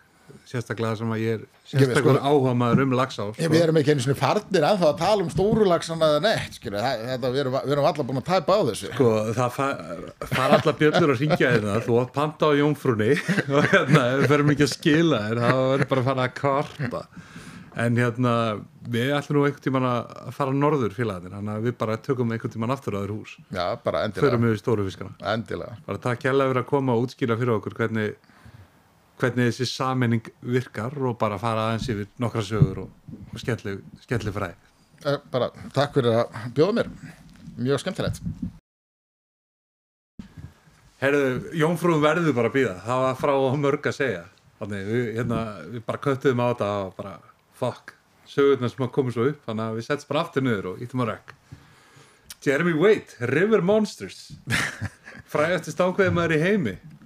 Já, það, ekki þekktur fluguveði maður nei, en hann er samt sko, hann er svo rosalegur fagmaður, kallinn, og ég hérna, mér hefur gengið býstna vel að hjálpa fólki að bæta kostið þeirra. Og það er náttúrulega, sko, það er náttúrulega önnur heil saga bak við það, sko. Þú veist, ég var náttúrulega sem ungur maður, hérna, mjög hrókafullur og ég held skilur út að ég vil eitthvað gæti ég kasta lengra heldur en kunni minn, sko. Það er svona, ég held ég að ég væri algjörlega með þetta og ég væri frábær fluguveiði maður. Svo hitti ég Klaus Frímor, hann kemur til mín og ég uppgötaði að ég hafði algjörlega rámt fyrir mér. Ég Kun, kun, og svona kraftakastari Já, ég kunni ekkert og vissi ekkert og gat ekkert og ég bara, þú veist, ég áttaði mig bara á því skilu, því, ég, því ég sá Klaus.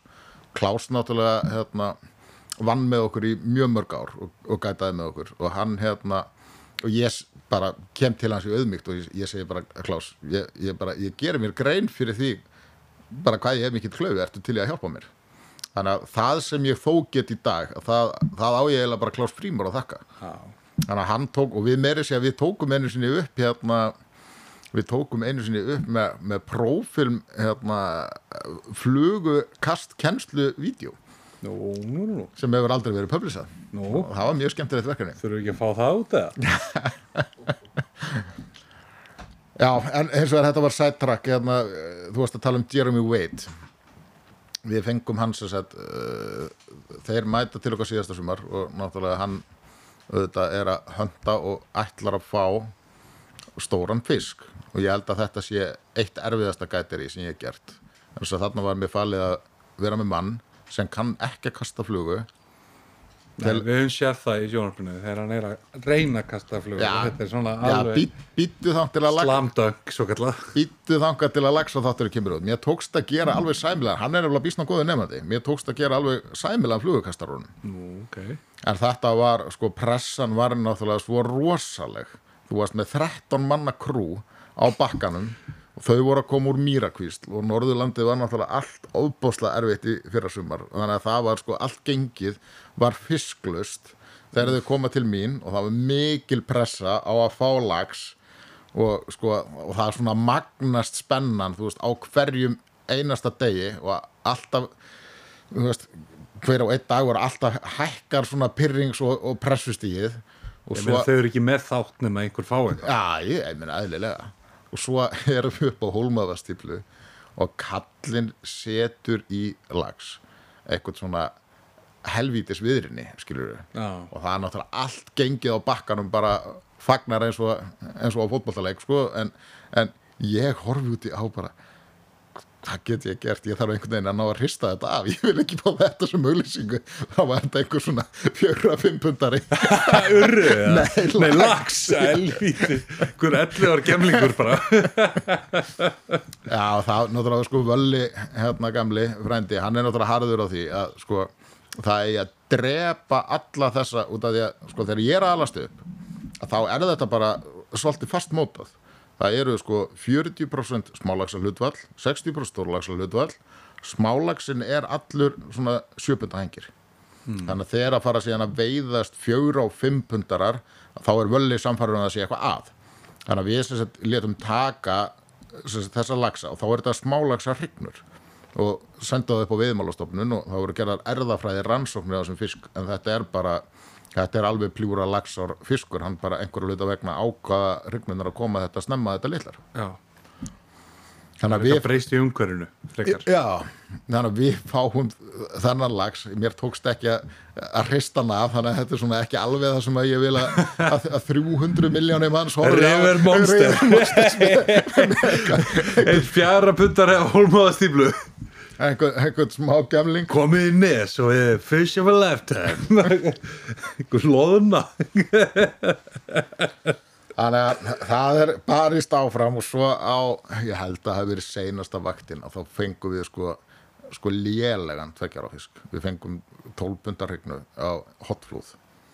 Og það var einhvern eins og í miðbættinu landa, 20 betta lag sem landa á innan við mínútu selbitinn og Já, þeim, þeim, þeim tókst alveg, þetta var alveg fallegur lags og þeim tókst að gera alveg, alveg þokkal úr þessu en þetta var kannski ekki alveg það sem að hérna, mér langaði til þess að myndi gerast. Var þetta svona reykjadalsár lags.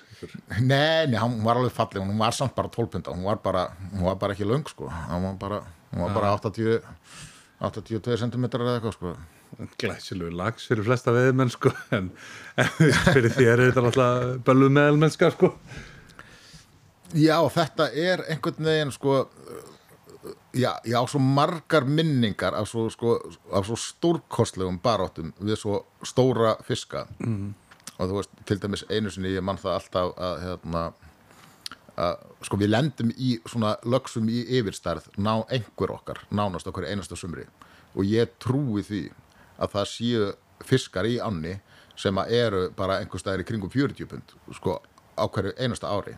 Ég er nú Eða- eða- bæði spjalla við Halla og, og Bubba um hennan fara að eiga núpa. Já, ég er náttúrulega að vera að gæta Bubba þannig að þetta er í fyrsta skipti sem Bubbi kemur í Anna og það var náttúrulega ástasamband hjá honum eftir, við Anna eftir, a, eftir að lendi þessari baráttu sem að, e, e, hefur ekki ennþá endað og hann er náttúrulega sko en svona Bubbi, kannski frekar þekktari fyrir að gefa í heldur en að draga úr í sögum sko? Já, það, en þarna þarf hann ekkert að gefa í. Þetta er bara, sko, bæði Gísli Ásgeirsson og Haraldur Eriksson þeir stóðu báður upp á brunni og þeir fylgdust með baráttunni.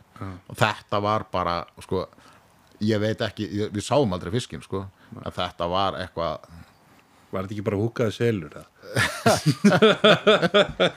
Já, sko, ég, ég, ég held sko selir eru ekki það góðir að synda. Þeir myndu ekki synda Upp upp núpafossin með Bubba Mortens brjálaðan með stöngin í ganga eftir sér.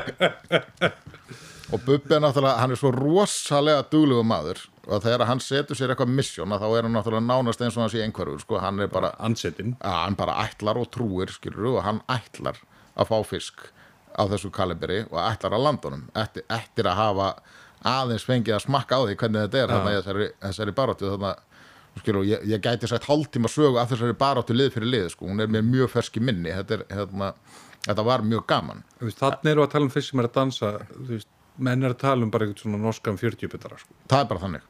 Og þú átt ekkert breyk. Og það er lagsá í aðaldal. Og þetta er sko áin er mjög sérstök. Og það er ástæða fyrir því að það gilda sér verndunulög um lagsá í aðaldal og það er það að árbotnin er svo ungur. Að hún er bara rétt rúmlega 2000 ára gamall. Og þá náttúrulega sko kemur eldgors og dalurinn all, rennur hraun niður allan lagsádalinn og niður allan aðaldal og, til- hana. og til sjávar skilur þannig að áin rennur á þessum raunhellum sem eru bara rétt rúmlega 2000 ára gamlar. Þannig að þetta er ekkit orðið slípað. Þannig að allar aðrar ár sem þú ferð í að þá er hver einasti steitt skilur þetta er bara, ja, bara eins og þú sért að, að klappa silkimóla skilur þeir eru allir mjúkir og, og, og rúnaðir og áin er búin að, sverfa það niður. Það er ekkit þannig í lagsá þarna eru fiskarnir og þeir eru sko lags er mjög klár fiskur veist, það er út af því að við erum búin að eiga svo margar baráttur á löngum ferli í gætiri að maður veit að þú átt meiri sjens á því að landa fisk ef þú ert á bát heldur en ef þú hleypir þetta í bakkarum. Er það ekki líka bara hotnið honni í gjótunar? Já, bæ, bæði er er hotnið Farvegurinn hlýtur að vera einhvern veginn svona skál. Jú, og þú getur flutt þig til, sko. Og það er bara, sko, þetta er bara, Já, þetta er bara átó, sko, ef ef þú fær fisk upp á skerflúð sem er, sko, al alvöru 20 pundari að þá eldur hann niður og þú ert heiðarmegin út af því að ef að þú ferð allar í land fyrir ofan söðutanga að þá kafar hann í gjána og hann, hann sker línuna hjá þér í gjánni þannig að þú átt miklu meira, meiri möguleika ef þú ert á bátnum út við heiði þá, að, sagt, þá getur hann ekki skori línuna.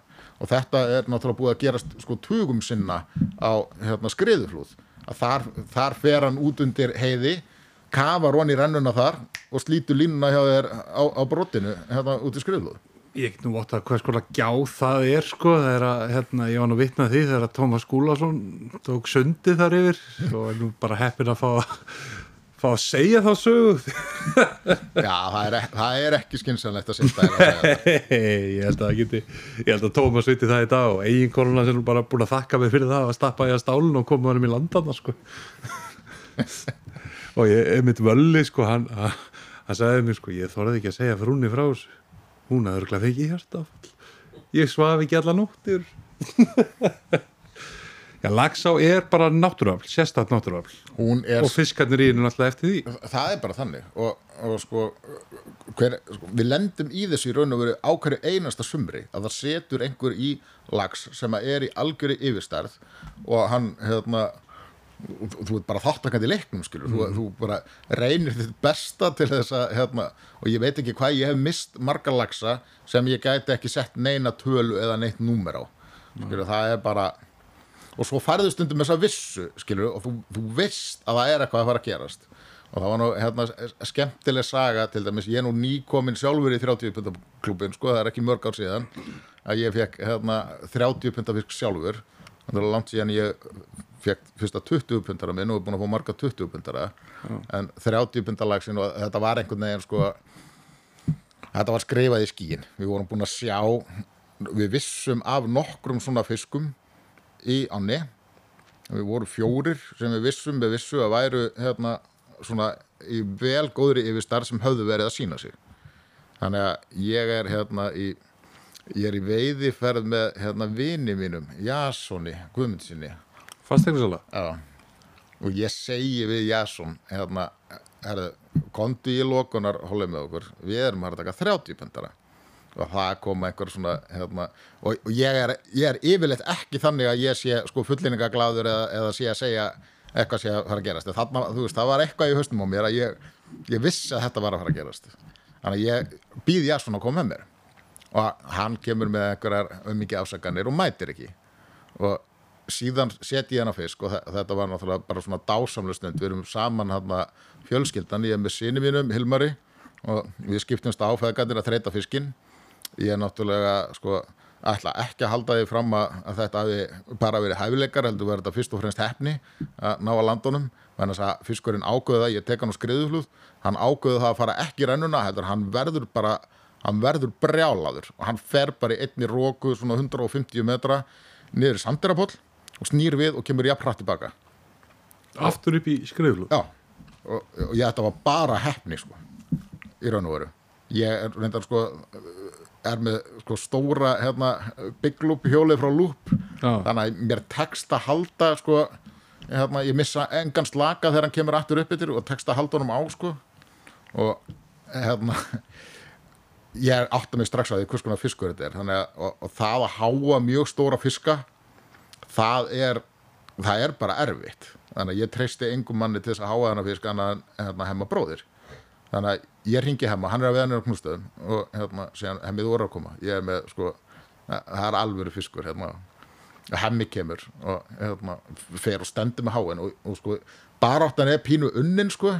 Ég er komin með fiskin alveg upp á hotnið fyrir neðan kirkjumabrót Já, en er, er hann svona þessi þrjóski sem hann bla, blafka sér alltaf í burtu þegar hann sér netið? Já, það var svo leiðis En þetta var svo sjónrænt og flott Og þarna er náttúrulega búið að ringja sko, í, í, helgu konuna mín og öll börnin og, þú veist, og það er orðið alveg hermanns og bakkanum og, komið, komið fell í sig og búið að kveiki kólunum og pilsunar á grillin og bakarum bara þetta, var, þetta var bara svo styrla sko. þetta var, var þvílíkt moment sko.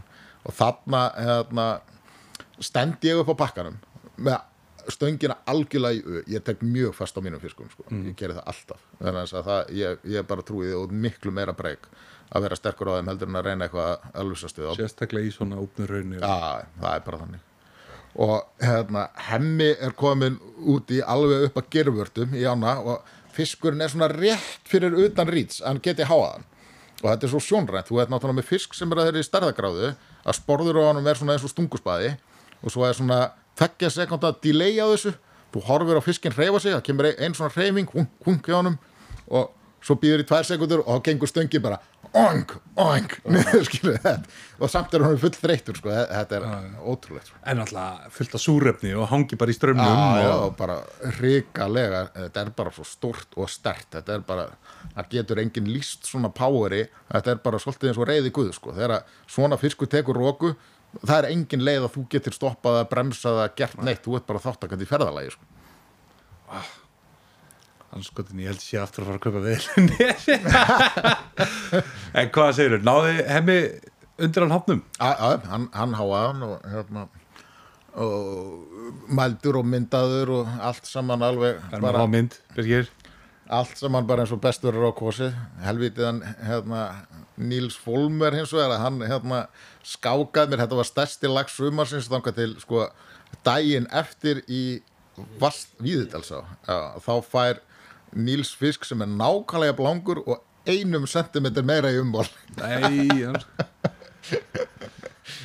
Hann er, hann er náttúrulega með eitthvað nef fyrir þessu sko.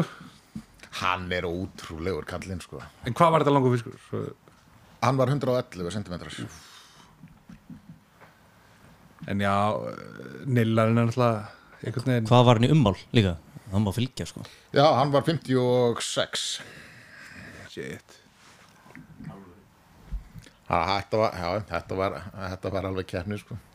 En hérna, út í að við vorum aðeins að tala um háfa Nú mann ég eftir þegar ég las bókina eftir Pétur, hérna, 2003 já, Sólandaferði á Kýpur Hérna, Sólanda með gæðsjálfum, sko. Það var engi sól. En hérna Hann var alltaf að tala um hvað Hann var á móti nút, nútalusum háfum Og hann vildi nota grófa einhverja nót í þetta og lala, er, er það ennþá trúabröða nissi? Nei, nei, nei, nei. Sko, sko Pétur frændi minn hann er náttúrulega sko þetta er náttúrulega svolítið hérna, hvað ég segja, hann er, hann er svona læri föður minn í Lagsá þú veist, ég byrja að veiða með honum og svo einhvern veginn enda ég sem rekstrar aðilinn og, og yfirmaður hans og ég man alltaf hvað ég fekk fyrir hjarta sko þegar að kallin var orðin yfir áttrætt og hann var í einhverju viðtali og hann sagði sko hann var ekki orðin yfir áttrætt, hann var, hann var ja, ætla, hann hafi ekki verið svona 75 ára eitthvað svo leiðis og hann er í einhverju viðtali og hann segir ég ætla ekki að hætta að gæta fyrir en að mér verður sagt upp. Og ég er bara svona uh, eh, mig langar ekki að segja Pétri frænda mínum upp skilur en hann gætaði kallin, hann náttúrulega kominn á týraðisaldur í dag. Já. og hann gætaði sko þangað til að hann var held að hann hafi verið 81 ás þá var hann enn að gæta.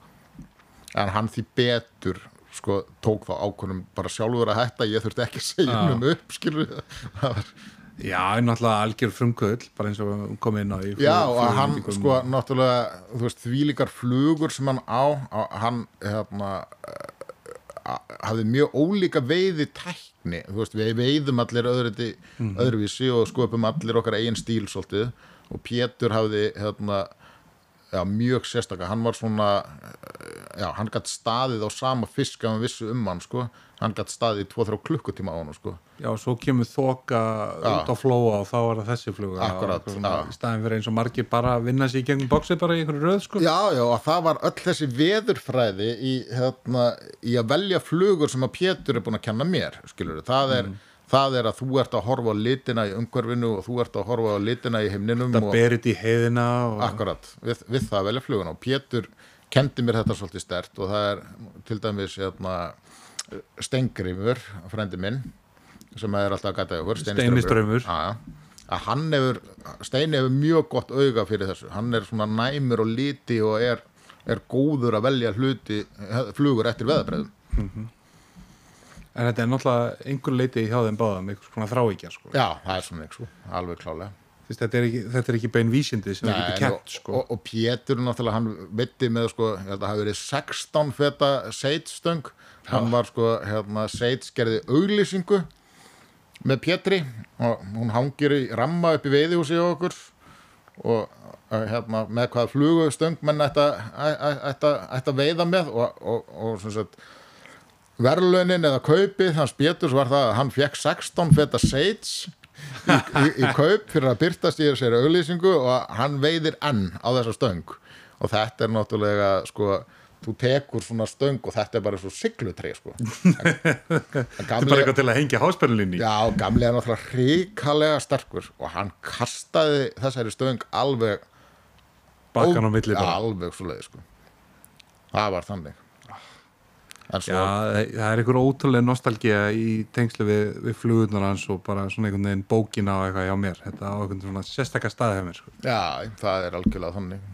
En svo var náttúrulega mjög skemmtilegt sko, hérna, við lærðum bræður og þetta sérstaklega hermóður rosalega mikið af hérna, Artlí Artlí náttúrulega veiðir um mjög langt ára bilja á okkur og hann var náttúrulega eitt svona servitringurinn sko.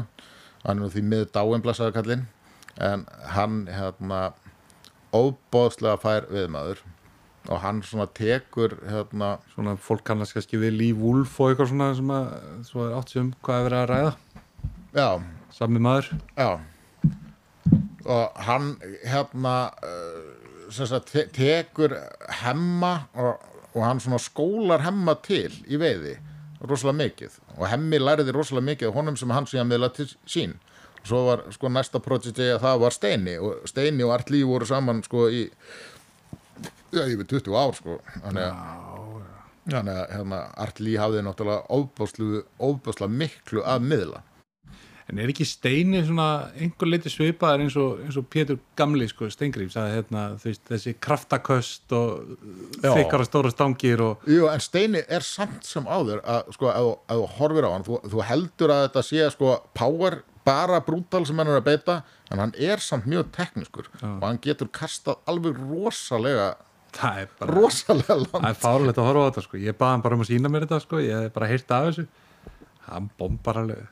Þetta er svo maður segir bakkan á milli. En þú veist með sinni 15-16 fetta stöng og svona eftir sínu höfði Já, já, að maður kalla það. Já, það er þannig Herri, ég held að við, hérna, við ætlum að reyna að taka upp tvo þætti í dag. Við, Jómfrún kallar held ég.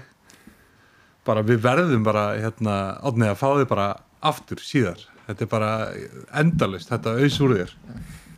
Er, Já, takk fyrir það. hérna, stórvinniðin í stákveðifélaginu sem ætlaði að hitta þig, þeir mun aldrei fyrirgefa okkur ef, ef þú mætir ekki á, á Jómfrúna maður.